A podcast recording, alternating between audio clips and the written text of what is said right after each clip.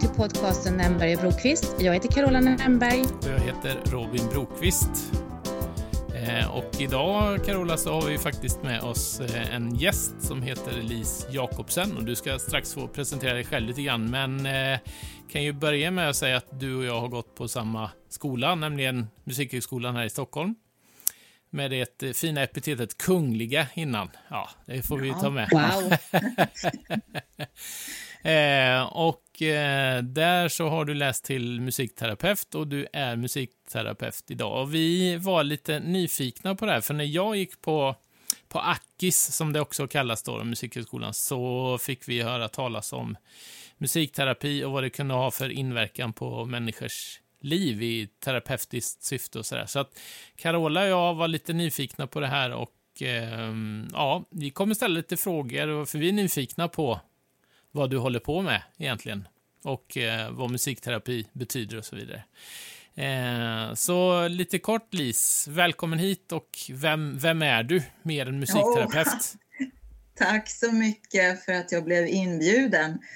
Jag är alltid eh, jätteglad att få möjligheten att berätta om, om det här området som jag arbetar med. Och jag började som, som du Robin, jag började med som utbilda mig till musiklärare eh, och eh, har jobbat som musiklärare under ja, 25 år nästan. Eh, och då märkt vad musik kan eh, skapa förändring helt enkelt. Både eh, när det gäller hälsa, hälsa och, och, alltså kropp och psyke. Så jag har ju sett de här situationerna när människor kommer jättetrötta till en kör, körrepetition och går därifrån och bara liksom springer nästan och har energi och, och så vidare. Så att jag blev ju så sugen på att titta på vad är det egentligen det här, vad är det som händer? Och, eh, så var det en liten pojke som fick cancer i en av mina barnkörer. Och när jag såg hur otroligt mycket musiken betydde för, för honom under den här perioden så, så kände jag verkligen att det här är ju vad jag vill ägna mig åt, alltså att arbeta med musikterapi. Och då sökte jag Musikhögskolans treåriga utbildning till musikterapeut. Får jag räcka upp handen nu när jag pratar med två lärare? Ja. Jag, jag, skulle, jag undrar bara, hur länge sedan var det du läste till musikterapeut? Ja, det är alltså, jag kom in där 2003 var det väl och blev klar då tre år senare. Mm. Okej, men då har du lång erfarenhet av detta? Jag har lång erfarenhet av detta och eh, så, så, att eh, jag har en, en särskild historia förknippat med varför jag till slut hamnade inom äldreomsorgen. Men jag vet inte när jag ska ta den, om jag ska ta den sen eller nu. Eller? Ja, men jag tänk, kan, vi, kan vi hålla på den lite grann? Det låter jättespännande. Ja. För det jag tänker på lite grann, bara bakgrunden. Finns det många, var kommer musikterapeutyrket ifrån? Är det, det låter inte som en, är det en amerikansk uppfinning eller? Ja, det, det började faktiskt i samband med andra världskriget då det kom hem så mycket soldater med mycket psykiska och fysiska skador. Och, eh, och då märkte man alltså att eh, musiken var i stort sett det enda som fick de här soldaterna att kunna eh, hantera sin, sin tillvaro efter eh, alla traumatiska händelser. Så att musikterapin som yrke hade sin start där. Sen har man ju använt musik som terapi ända sedan antiken, men det är ju en annan, en annan sak. Men hur många terapeuter finns det, förlåt jag avbryter, men hur många terapeuter finns det i Sverige idag som jobbar? Vi är cirka 200 eh, musikterapeuter som, som är ute i verksamhet. Och det är inom både rehabilitering och specialpedagogik och eh, eh, ja, äldreomsorg, psykiatri. Så vi finns överallt. Mm. Jag tänker, vilken, ja, jag tänker på en, en eh, gammal berättelse med, med min eh, kyrkliga bakgrund och alltihopa med med David som spelar harpa ja. för Saul så att han blev lugn. Det står det om också. Så där såg man också, och det är ju några tusen år sedan, säga. där såg man ju också hur musiken hade, kunde påverka. Ja, det, det, är jätte, det är jättekul att du nämner det, för när jag hör föredrag som jag har ganska ofta om det här med musikterapi och så, då visar jag precis den bilden av David och Saul eh, och faktiskt benämner det som den första musikterapeuten. Och han använder sig av en lyra på den här bilden och det, det, den lyra använder jag också ganska ofta i mitt arbete. Mm. Så du har alldeles rätt. Mm. Ja, jag tror... Ja, förlåt Carola. Jag skulle bara säga, kan du inte berätta om hur går ett sånt möte till, ett, ett samtal? Om jag kommer till dig med, kan jag ha vad för helst som problem eller är det något speciellt typ av problem som man ska ha? Är det stress eller är det liksom vad, vem, vem kan gå till dig och få hjälp? Ja, alltså eh, som jag sa förut så, så är ju musikterapin, den finns ju så att säga både inom eh, Eh, rehabilitering, när det gäller att hjälpa människor efter en stroke-skada eh, eller om man har Parkinson, att man helt enkelt stärker funktioner och eh, eh, på, motiverar till, till rörelse och så vidare. Men Eh, det vanligaste är ju att man arbetar med musik, musikterapi som en psykoterapeutisk insats så att säga. Och musikterapi är ju alltså en konstnärlig terapiform som, där, där man har då psykoterapeutisk psykologisk kunskap med sig i, i, inom utbildningen. Eh, men om du frågar mig då hur, om man, vem som helst, ja absolut. Idag är det ju så att eh, eh det är mycket, du nämnde stress till exempel. Det är ju jättevanligt att använda musikterapi som en, ett sätt att eh, helt enkelt få eh, avspänning och att få uttrycka sina känslor med hjälp av musik. Men om du till exempel kommer till mig och eh, då börjar ju en terapisession med, oftast med att du berättar någonting eh, som har hänt dig. Och vi säger att du brukar komma vecka efter vecka. Ett, en, en, eh, en, en upplevelse, en dröm, ett minne eller vad som helst. Och eh, då, besök, då bestämmer du och jag hur ska vi jobba med, med den här upplevelsen, den här drömmen eller det här minnet och bestämmer oss för ett tema då som vi ska jobba med under den här sessionen. Och eh, då kan man använda sig både av så kallad receptiv musikterapi. Och då lyssnar man på musik tillsammans. Och så eh, talar man om efteråt vad fick du för inre bilder? Eller vad, vad väckte den för känslor? Och och jag som terapeut vägleder dig lite i, i den här processen. Varför fick du de här känslorna? Och vad var det för bilder som, som väcktes inom dig? Eller också så improviserar man kring eh, den här känslan eller det här temat som man bestämmer sig för att jobba med. Och då kan det vara så att Eh, du som klient väljer vilket instrument vill du ha här och, och uttrycka dig på. Det är, oftast, det är helt prestationslöst, det kräver ingen förkunskap alls. Eh, ofta blir det ju att man vill sitta vid pianot och bara improvisera fritt. Och då, jag som terapeut, jag, jag lägger så att säga en, en grund till det som du improviserar kring. Och eh, ser till att, att du känner dig trygg i din improvisation. Och sen så efter man har gjort den här improvisationen så vad hörde du? Vad var det som kom fram? Och så pratar man om det här tillsammans. Hur lät det här? Och eh, det, man kommer fram till liksom, eh, en, en, slags konklusion att ja, det här, det här var vad du bar med dig idag och vad väckte det? Och sen så är det ju ofta så att musiken avtäcker massa saker som inte man kan prata om med ord. Så man kan säga att musik låter som känslor känns.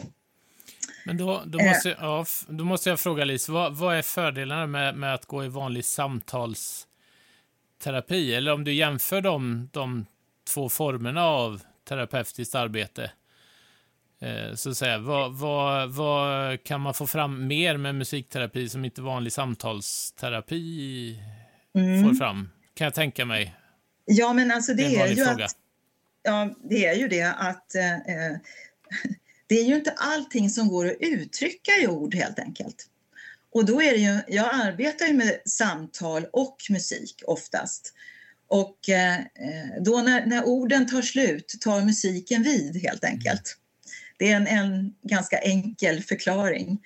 Och, och, det är ju ett, ett fantastiskt redskap som vi som musikterapeuter har att, att jobba med då.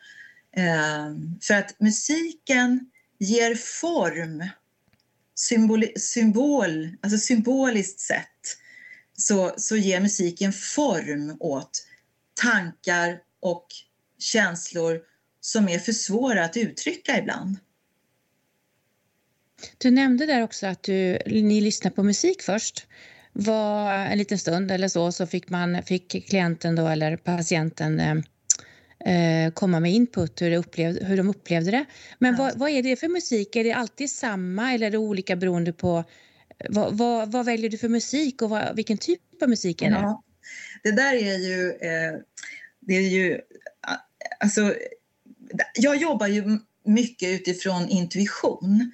Att jag har liksom en, en, en liten palett av, av, inom mig av eh, möjligheter, va? av, av eh, musik som jag liksom jag, jag, känner in när klienten kommer, hur stämningen är och vad, vad, klienten så att säga utstrålar. Rent intuitivt jobbar jag på det viset.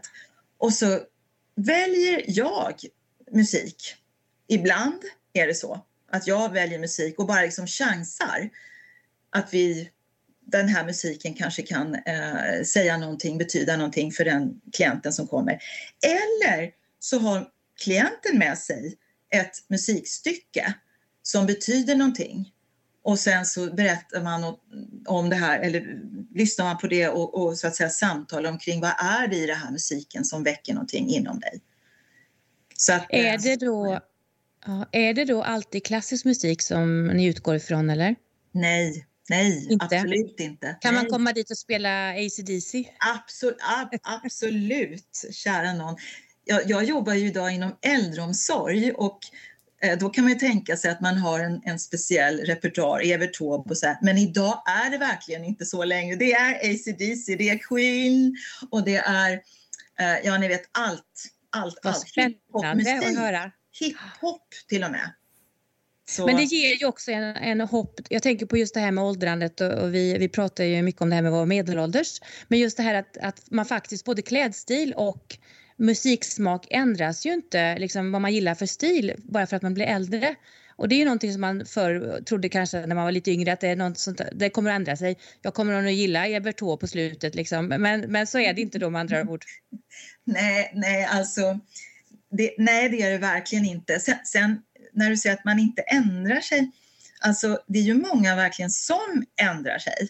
Eh, och där man frågar eh, vi säger okej, okay, inom min målgrupp då som är lite äldre, att kan, om det är en människa som har demenssjukdom till exempel, så kanske jag frågar en, en anhörig, vad har din man lyssnat på?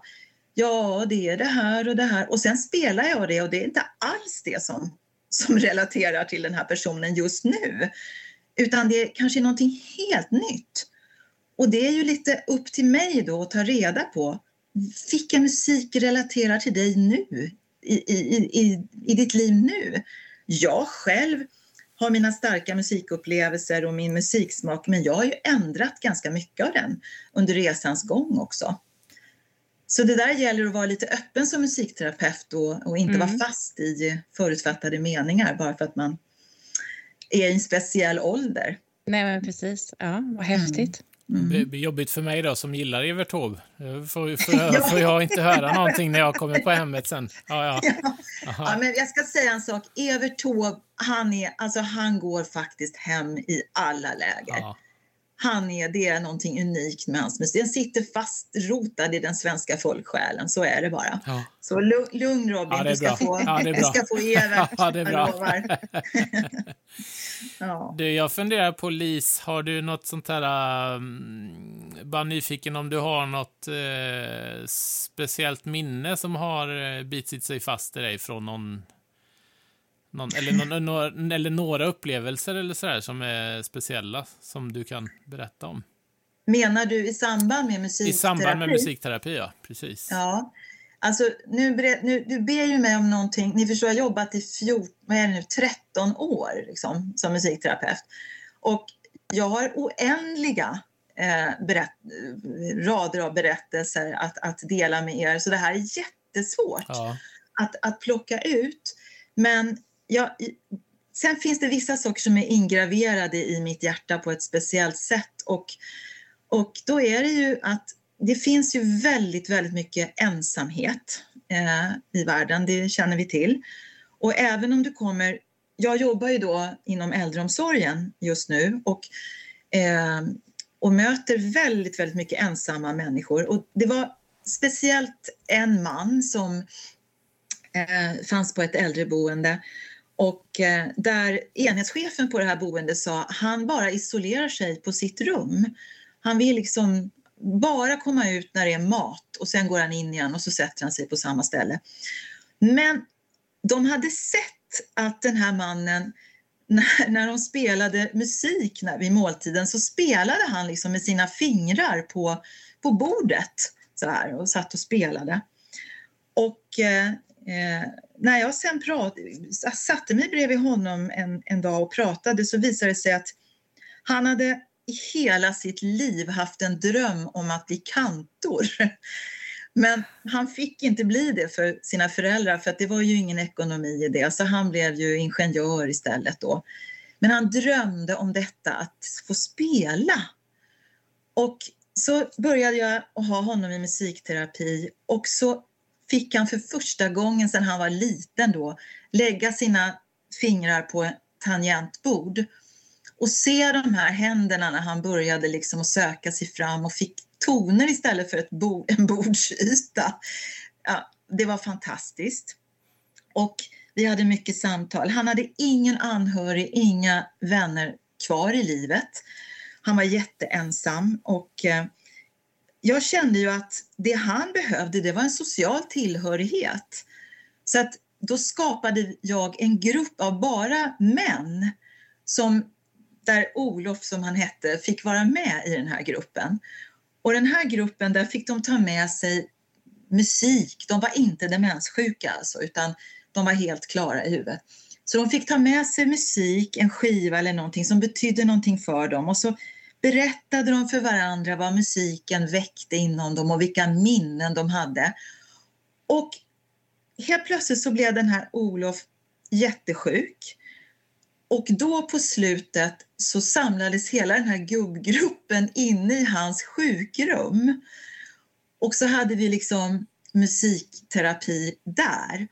Och han fick alltså från att gå från fullständig ensamhet och sorg över att han aldrig fick bli det han ville, så fick han dö i både som att få musicera tillsammans med andra men också i en känsla av tillhörighet. Och det där var så det var så vackert allting. Så ja, nu börjar jag gråta ja, kan jag säga. Jag, jag, jag får ny, nypa mig i armen också.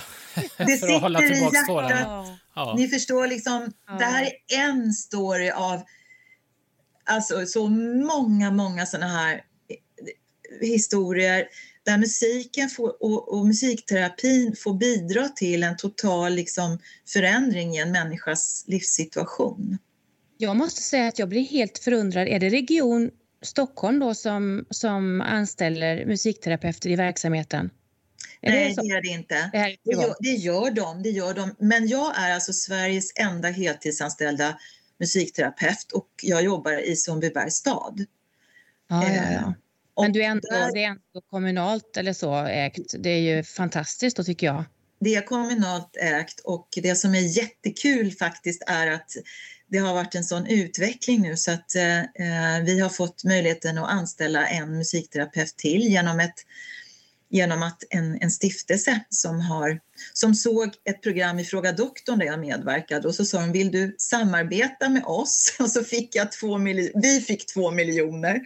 Oh, och sen kunde vi anställa en musikterapeut till plus tio ungdomar som, som också får arbeta som eh, musikanter inom äldreomsorgen och i ett projekt som heter Mötas i musik hela livet. Jag måste säga vad viktigt det är ändå det här med att man pratar om saker och ting som är bra i samhället och som fungerar. Det här känns ju som att, nu har du varit på Fråga doktorn och så förstår jag. Du, har du ett stående inslag där eller? Nej, det var ett, ett reportage därifrån. Mm. Men, men det, det, det väckte, väckte, ganska mycket intresse, bland annat det här meningsfulla intresset då som de visade. Ja, vad roligt. Ja, jättekul. Verkligen. Det märks också att du, du gillar det du håller på med. Det ser man, det lyser om det måste jag säga. Det är häftigt att höra när du berättar de här historierna. Det ser ju inte ni andra lyssnare här, men jag kan säga det att Lisa hon strålar, måste jag säga. Det måste vara så häftigt att ha ett sånt jobb som, som gör skillnad för människor. Det... Ja, men det, det, är ju, det är ju det. Det är ju väldigt, vad ska jag säga, både och i och med att jag jobbar i dödens närhet väldigt mycket. Eh, men, men också att få se hur musiken kan så att säga bära ända in i döden och, och ger ju mig en känsla av en enorm tillfredsställelse. För eh, det finns som sagt väldigt mycket ångest och oro där ute idag och mm. inte minst eh, för våra äldre då. Mm. Vilket, vilken eh, story. Det skulle vara intressant att höra, höra fler, tycker jag. ja, ja, ja, ja, ja, risken är att jag börjar prata så mycket så att jag, ni hör jag pratar lite för mycket. Nej, det är, det, nej. det är det som är meningen. Nu är du huvud, huvudpersonen ja, nej, här. Nej, men alltså det, det, det som är magiskt ibland, det är ju att man undrar vad, vad är Ibland blir det sådana magical moments. Jag kan bara ha en kort, kort till då att jag blev kallad till en, en nu, nu blev det lite om död här, men jag jobbar ju jättemycket med, med friska äldre också. Men, men eh, eh, det var en, en situation där jag hade de bad mig att jag skulle komma till en kvinna som låg för döden och jag hade haft henne i, i vissa musikstund, musikstunder och så men jag kände inte henne så där väldigt väl. Men de ville att jag skulle komma och sjunga och hennes son satt vid, vid hennes sida också och det var mot slutet precis. Och så bara kände att jag skulle sjunga den här En gång jag seglar i hamn, ni vet, ni känner till den va? Den bara liksom, det är den jag ska sjunga. Och, och då börjar hennes son bara att gråta. Och då säger han, det här är den sången som jag och mamma har sjungit i duett ända sedan jag var liten mm. pojke. Nej men du. Och jag hade aldrig liksom tänkt på den sången i samband med henne förut. Men det var den sången jag valde. Och när han hade liksom lugnat ner sig då så sjöng vi den i duett mm. för henne. Och hon öppnar sina ögon, tittar på sin son, tittar på mig och bara 20 minuter senare så försvinner hon alltså in i, in i, i nästa tillvaro. Mm. Det var vi ska, mm. ja. Och det där var också sådär, det jag kan få vara med om, alltså, det här, eh, om man ska kalla det intuition eller ibland funderar man faktiskt, musikens kraft och var den kommer ifrån. Mm. Mm. Ja, verkligen. Jag, tänk, jag tänkte på det du pratade, nu pratar du om, på, jag, jag, förstår att du jobbar inom det senior, seniora världen ja, just nu. Ja. Mm. Men visst har du, har du jobbat med barn och ungdomar också eller? Har du, I 30, det... 30 år av mitt liv har jag jobbat. Men då har du varit musiklärare? Ja, precis. Ja. Men jag har jobbat även eh, med, när jag var färdig musikterapeut så arbetade jag också musikterapeutiskt eh, med barn och unga, ungdom. Mm. Men du, du hade en eh, story om hur du kom in på, på äldre, sa du i början där. nu är ja, jag nyfiken på den. Ja. Ja, det har jag. Det blir mycket såna här eh, specialstories här nu känner ja, det, det gillar vi. Ja, det är ja. underbart att höra. Jag, blir, jag sitter och gråter här. Nej, men alltså, berättelser har jag ju liksom funnit. Jag kan ju stå där som musikterapeut. Det är ju en vetenskaplig eh, kompetens, eh, ett, ett yrke som vilar på vetenskaplig grund. Alltså, och, och man kan ju slänga fram hur mycket forskningsresultat som helst eh, som visar att musikterapi är verksamt. Men det är berättelserna som alltid på något sätt tar skruv och får politiker att lösa upp, liksom, ja men vi skaffar en tjänst eller, eller Det kommer två miljoner. Mm. Ja, så att det är faktiskt så att eh, en musikupplevelse var det som fick mig att helt plötsligt, jag hade aldrig eh, tänkt på att jag ville jobba inom äldreomsorg. Det var barn, ungdomar och vux, ja, vuxna äldre har aldrig liksom intresserat mig, måste jag säga, ärligt sagt. Men så blev min pappa, han hade varit demenssjuk i, i sex, sju år. Och eh, eh, sen gick han mot slutet av sitt liv och eh, en dag så ringde de till mig från sjukhemmet där han bodde då. Och eh, då hade jag vakat hos honom några nätter, men den här natten så hade han ett vak eh, som hade suttit vid hans säng. Och som precis nybliven musikterapeut, jag hade ju satt en CD-skiva med hans musik liksom där bredvid sängen. Men när jag kom in i rummet då spelades det alltså riktig sån här hiphop-musik på radion. Eller ja, de har satt på radion där då. Och det var ju för att hålla vaket vaken, han som hade vakat. Eh, och jag såg ju liksom, min pappa var inte riktigt vid medvetande, eller han var inte vid medvetande på, på det sättet att han kunde tala. Han var ju liksom helt utelämnad åt den där musiken. Men när jag stängde av den och satte på hans musik, som då han hade spelat horn i Frälsningsarmén i sitt liv. Och då var det ett stycke som heter Capriccio ur Rosenkavaljeren. och det är en, en opera som heter Rosenkavajen av Richard Strauss. Och där är ett vackert hornstycke. Och när jag sätter på det så ser jag liksom, ni vet musiken går direkt från hörselnerven till känslocentra. Hur han bara kopplar av i sina ansiktsdrag. Men också att han börjar lyfta sin högra arm så här. Och så börjar han röra på sina fingrar. Och detta händer alltså en dag innan han dör, då, då är musikens kraft så stark så att han till och med tänk, alltså hjärnan reagerar med att han ska spela mm. och lyfter sin arm. Och då i den stunden så då man kanske kan uttrycka det som att jag liksom fick en kallelse nästan att nej, jag måste jobba inom, inom det här området, vård och omsorg, för att skapa kunskap om eh, ljudmiljön, och musikens betydelse helt enkelt. Så att eh, det var där, det var ett ögonblick som fick mig att vända om helt. Liksom. Och sen sökte jag pengar från en stiftelse och fick in en fot inom eh, äldreomsorgen en dag i veckan. Och det jobbade jag med i tre år och sen blev det en tjänst då. Så på den vägen ja. var det. Mm. Vad roligt. Jag har en fråga. Ehm, jag tänker på, man pratar ju så mycket om det här med nu, nu ja, i, i, världen så är vi så stressade och vi springer och springer och springer. Och så hör man ju det att man ska tänka på att man ska vara ute och promenera, man ska röra på sig fysiskt, man ska vara ute i, i friska luften och gärna lite i solskenet eh, och njuta av natur och sådär. Och då tänker jag, vad kan, vad, kan, vad kan man tänka på som vanlig människa i just det här med musik?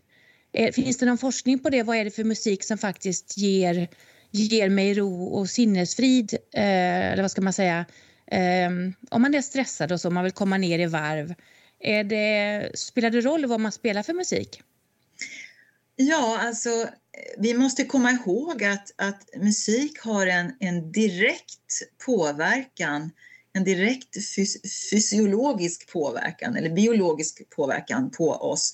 Alltså lugn, om du vill lugna ner dig då ska du ju använda musik med ett tempo som, som eh, så att säga korrelerar med din hjärt, med, med den pulsen som är en, eh, i hjärtat i viloläge helt enkelt.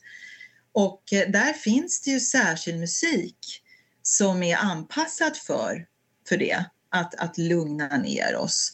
Men, men då kan det ju egentligen ja, i och för sig anpassad, men, det, men i stort sett kan du ju välja vilken musik som helst, bara den har det, rätt rytm eller så. Det, mm, den mm. pulsen, precis. Då är det ju rätt häftigt att tänka det att man faktiskt i sig, för vi pratade om det lite grann jag och Robin tidigare idag, om det här med att man vill man liksom få gjort någonting och känna att man får lite kraft och energi, då kör man någonting som, då, då lyssnar man på någonting som är lite nu kallar jag det för upbeat, jag vet inte om det är korrekt. Ja. Jo, och sen så om man, men om man sen då så ska, vill, vill ta det lite lugnare och stressa av, då blir det lite någon annan typ av musik som är lite lugnare. Att vi har det i oss, det är så naturligt för oss, det, det ligger i oss på något sätt att, att det funkar så. Så då, då är det, ja, men alltså, det så. Det, det stämmer ju, alltså, det som vi sa förut, att människor har ju sedan människan kom till använt musik som terapi. Och jag menar, i, i antiken använde man speciella skalor faktiskt, eh, till och med, för att påverka eh, till olika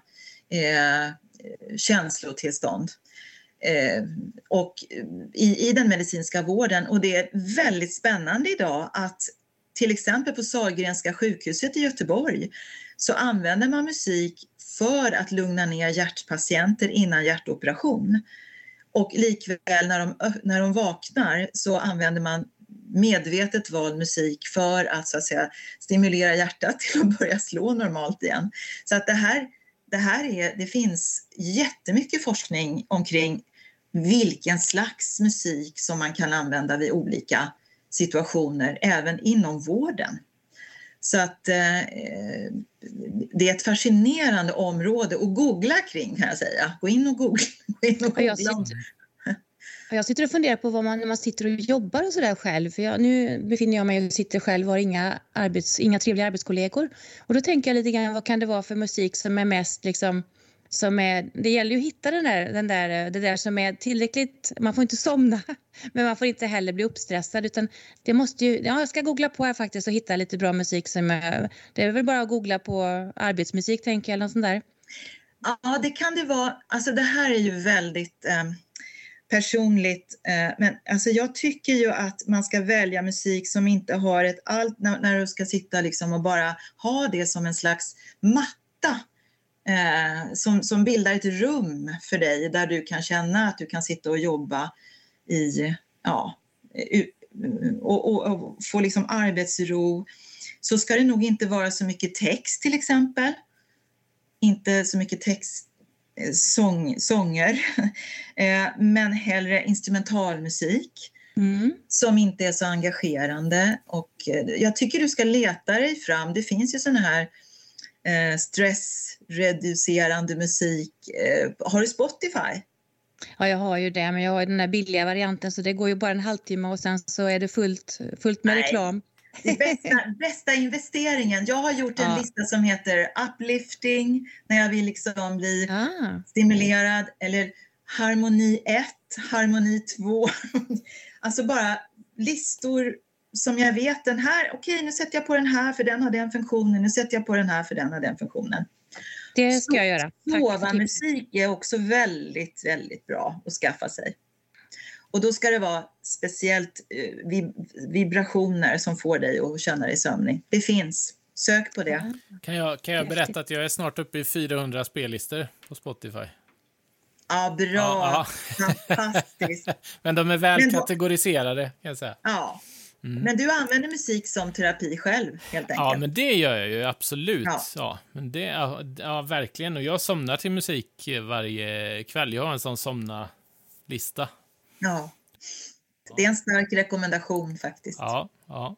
Mm. Även vakna-låtar har jag. Men du, en annan sak, Lis. Jag, du avslöjade en sak här för mig. Förra året så hände det ju någonting med ditt eh, yrkesval, höll jag eller med dig. Du fick ju faktiskt ett pris som heter Musikbojen. Kan du inte berätta kort om det? Mm. Ja, jag ska försöka vara kort. Jag, jag hör att jag blir så långrandig hela nej, tiden. Nej, nej. Äh, Jätteintressant. Nej, men jag, jag, ehm, det var ju väldigt överraskande. Det finns alltså en eh, stiftelse igen här eh, som heter Musikbojen och de eh, arbetar för att bredda det här området musikterapi i Sverige. Och eh, hon som har startat Musikborgen, hon har också startat den här Min stora dag som har, det är en fantastisk organisation som hjälper barn som är sjuka att få upplevelser, kulturupplevelser. Ehm, och hon, de har sett hur mycket musikterapi betyder för, för barn och ungdom i huvudsak. Eh, och när det här priset instiftades för, för tre år sedan så, så eh, jag hade inte, alltså jag aldrig tänkte jag mig själv att jag skulle få något sånt som jobbar då inom äldreomsorgen. Men förra året så ringde de mig och eh, sa att jag hade fått det här musikbojen, priset. Och, eh, så det var ju fantastiskt. Så att eh, i november, mitt under värsta pandemin, så kom Ann-Sofie von Otter och eh, några andra eh, fantastiska människor och stod här på min trappa. Oj, oj, oj. och eh, vi hade en liten session här på altanen utanför. Och jag fick den här vackra statyn Musikborgen och så fick jag 25 000 kronor. Det var underbart. Kul! Eh, men eh, nu förra veckan här så var det en, en lite mer högtidligare eh, ceremoni då på Musikhögskolan där, där det uppmärksammades. Så det känns jättekul för det innebär ju att jag lite mer kan också eh, på en nationell nivå sätta musikterapi eh, på kartan, speciellt då inom äldreomsorgen. Och det måste ju kännas otroligt när man har jobbat med någonting hårt och och slitit för det som du gjorde då, liksom en dag i veckan först i kommunen och sen få en fast anställning, då, då, då har du ju lyckats visa att det betyder någonting för många människor också. Så ja. Det, ja, det får vi gratulera ja, det, till. Mm. Det, det är jätte, jätteroligt. Och vi hoppas ju genom det här projektet nu också att vi har ju målet i det här projektet som jag arbetar med de här ungdomarna och så, att vi ska bli nationellt ledande i att använda musikterapi för att höja livskvaliteten helt enkelt inom ett område som många mår väldigt dåligt och det är inom äldreområdet. Mm. Nu är jag inne på ungdomarna igen. Nu nämnde du ja. det. Eh, kan du inte berätta lite grann hur du jobbar med ungdomar? Nu mm. vet jag ja. det, det, när du har gjort det, hur du har gjort då. Carola, du, du, kanske ska fråga medelålders här om du tänkte gå nej, till Lis själv? nej, jag, tänker, nej, jag tycker det är så intressant att höra just med ungdomar och barn. För jag, jag känner att jag ömmar för dem. För det är så mycket ja. som, det ska vara på så, det är så tuff miljö idag.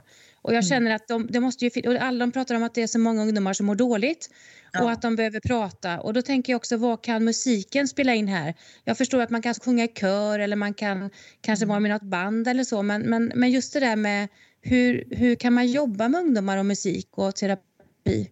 Mm. Och hur får man dit dem? För det är väl det som är också, man kanske inte drar, eller drar sig till musiken eller till terapin utan man kanske inte, man vet inte om att den finns överhuvudtaget tänker jag. Många ungdomar och barn har det mm. så.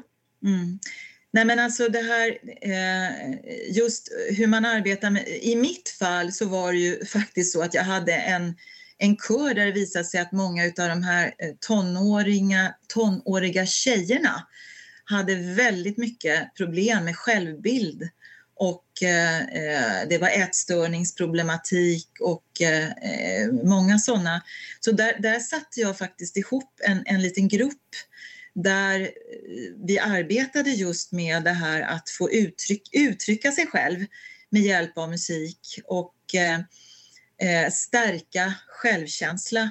Det, om, vi ska gå in på metod så blir det väldigt, lång, väldigt ja, långrandigt. Ja, ja. Men att, att bara få känna att du är accepterad som du är och att de inför varandra också fick dela genom att, precis som jag berättade förut, att få uttrycka sina känslor eh, på ett annat sätt än genom ord. Eh, bland annat kanske genom att lyssna på sångtexter som, som sa någonting. Den här musiken säger det här till mig och så får man berätta om det för de andra och dela sina känslor och, jag, och, och, och märka att man inte är ensam om det. Eh, så att där i, i förhållande till att jobba med ungdomar så är ju musiken fantastisk. Även att skapa egna texter och sätta melodier till ett, en, en kreativ form av att få ge uttryck för eh, eh, tankar och känslor som blir någonting, som också blir en produkt. Att, eh, man kallar det so songwriting, det är alltså en metod inom musikterapin. Så den jobbade jag mycket med, just med, med tonårstjejer som hade svårt med sig, med sig själva, sin självbild och sin kroppsuppfattning. Eh, Sen hade jag ju barn också, med mycket barn med, med särskilda eh, eh, som låg på autismspektrat och som svårt att liksom kunna kommunicera. Och att då få se att jag, jag, får, jag får uttrycka mig i musik och jag blir speglad och besvarad i musik. Jag behöver inte använda ord som är så svårt för mig utan jag kan få hitta ett annat sätt att tala Och en sån situation är också helt underbar att få vara med om att ett litet barn med, med autism får lära sig att kommunicera. Eh, det finns många barn som har de svårigheterna eh, och då är musikterapi en fantastisk eh, insats. Ehm, och det finns musikterapeuter idag inom BUP och inom särskola och överallt. Bara Musikbojen har anställt tio nya musikterapeuter inom barn, barnområdet och barnsjukhus. Så att ja, jag, jag hoppas att jag gett något svar på din fråga. Det, Absolut. Det låter ju som att det är ett område på frammarsch i alla fall, ja. som att det vinner mer och mer respekt. Eller? Ja, ja. det är ja, det. Ja. Mm. Har du fått någon feedback från någon, något barn och ungdom som har liksom vuxit till sig lite grann och som har hört av sig och sagt att ja, men Lis, det här, det, det, dina samtal med dig och den, den upplevelsen har faktiskt hjälpt mig genom livet. Har du, får, får ja. du uppleva sånt? Ja. ja, Alltså det är väl det största som jag får vara med om eh, eftersom jag har jobbat i Sundbyberg då i sammanlagt 30 år av mitt liv. Eh, mm. och eh, att jag har haft då barn och ungdomar inom bland annat både inom kulturskolan som jag ansvarade för men, men också inom musikterapi och de kommer liksom och, och så träffar vi varandra på gatan och sen är det bara kärlek och jag har fortfarande kontakt med ja, ganska många. Ni vet, man blir Facebook-kompisar och skickar meddelanden till varandra och hjärta, hjärta, hjärta, hjärta, hjärta. Det, det, det, det, finns en speciellt band mellan oss och som alltid kommer att finnas där. Och bland annat de här tjejerna som jag pratade om, vi har ju haft en Lucia-kör i 20 år tillsammans och, och de är nu liksom 27, 28, eller ja, de är ännu äldre, hjälp, de är ju över 30 och varje år så träffas vi och så går de Lucia inom äldreomsorgen och sen har vi liksom en connection. Eh, men då är väl du Lucian, Lis? Självklart. Självklart. Vad roligt. Ja, nej, men, eh, så att det är väl, jag säger faktiskt att jag kan... Jag måste också säga att det är väldigt rörande att en av de här tjejerna har, du kanske känner det Robin, Heidi Rolin Westin? Ja. Hon har tagit över den här, eh, jag jobbade i en kyrka i många, många år som du också har connection med eh, mm. Robin. Mm. Eh, och hon har tagit över det som jag så att säga startade med babyrytmik och småbarnsrytmik. Och det är också en sån där jättehärlig grej att, att, tänka på. Jag kan, jag kan dö nöjd imorgon, så kan jag säga. ja, men det får du inte. Nej, det, det, är lite kvar, men om det var så så skulle jag nog känna det i alla fall. Ja, ja. jag förstår känslan. Mm. Mm. Ja. Ja, det här var jätteintressant. Alltså jag känner nu fick jag en massa energi här utav er båda. Eh, och kanske främst utav dig Lis, då får jag väl säga helt ärligt. Men jag, jag, kände faktiskt att innan vi skulle, innan vi skulle spela in här så, så, så var jag lite trött och hänga så tänkte jag så ja, det är lite sent så där och, och, och, gå igång liksom på något. Men, men det här var verkligen intressant Lis och så mm. spännande och intressant att få höra. Och så kul också med att få träffa någon som brinner för sitt arbete. Att man känner att man gör nytta och att det är ja, jättehäftigt måste jag säga. Så tack Robin för att du är så alert och kommer på bra gäster. Liksom. Det här var bra gjort. Ja, det, mm. det var otroligt ro, roligt att du har med Lis. Tack så ja, hemskt mycket. Ja. Tack så hemskt mycket. Det, jag blir alltid väldigt energifull när jag får prata om mitt, min passion så att eh, det, det, är ömsesidigt. Jag är full av energi nu. Ja, det är bra. vi, hoppas, vi hoppas att vi har fått eh, bidra till eh, positiv reklam för musik terapeutiskt arbete också här framöver. Mm. Ja, tack Jag tänkte på det, tänkte på det Lis, har du någon hemsida eller så som man kan kolla upp det om man skulle vilja, om det är någon som skulle vilja, eller du kanske bara jobbar fullt med alltså, jag skrattar, jag skrattade till där nu för att jag, ni vet jag har aldrig ens tänkt att jag eh, skulle ha något eget företag eller något hem. Jag har haft fullt upp på något sätt. Mm. Eh, mm. men om man skulle vilja, alltså, jag finns ju på Sundbybergs stads hems, hemsida, där kan man ju söka mig. Eh, lis.jakobsson sundbyberg.se Jättebra. Perfekt. Så där svarar jag med glädje på mejl om det gäller något som man vill ha reda på. Tack så mycket. Robin, har du några mer frågor eller ska vi, Nej. är vi nöjda? Jag tror att vi är väldigt nöjda faktiskt. Och Lis, du känner att du har fått sagt det du ville säga eller? Har du något men- mer att tillägga? Ja, jag har sagt väldigt mycket ord eh, så att jag är så nöjd. Jag, jag känner att jag får nog sätta på min sån här liksom lugn och ro eh, Ja, det. sen här för att, det för att gå ner i varv lite grann. Ja. Ja, Ja, tack men- ska ni ha för att jag fick vara med. Det var det- det jätte, tackar. jättefint. Mm. Tack snälla. Stort tack Lis. Och tack alla ni som har lyssnat också. Ehm, vi återkommer varannan söndag på våran podcast Nämbe Brokvist. Tack och hej! Hej då!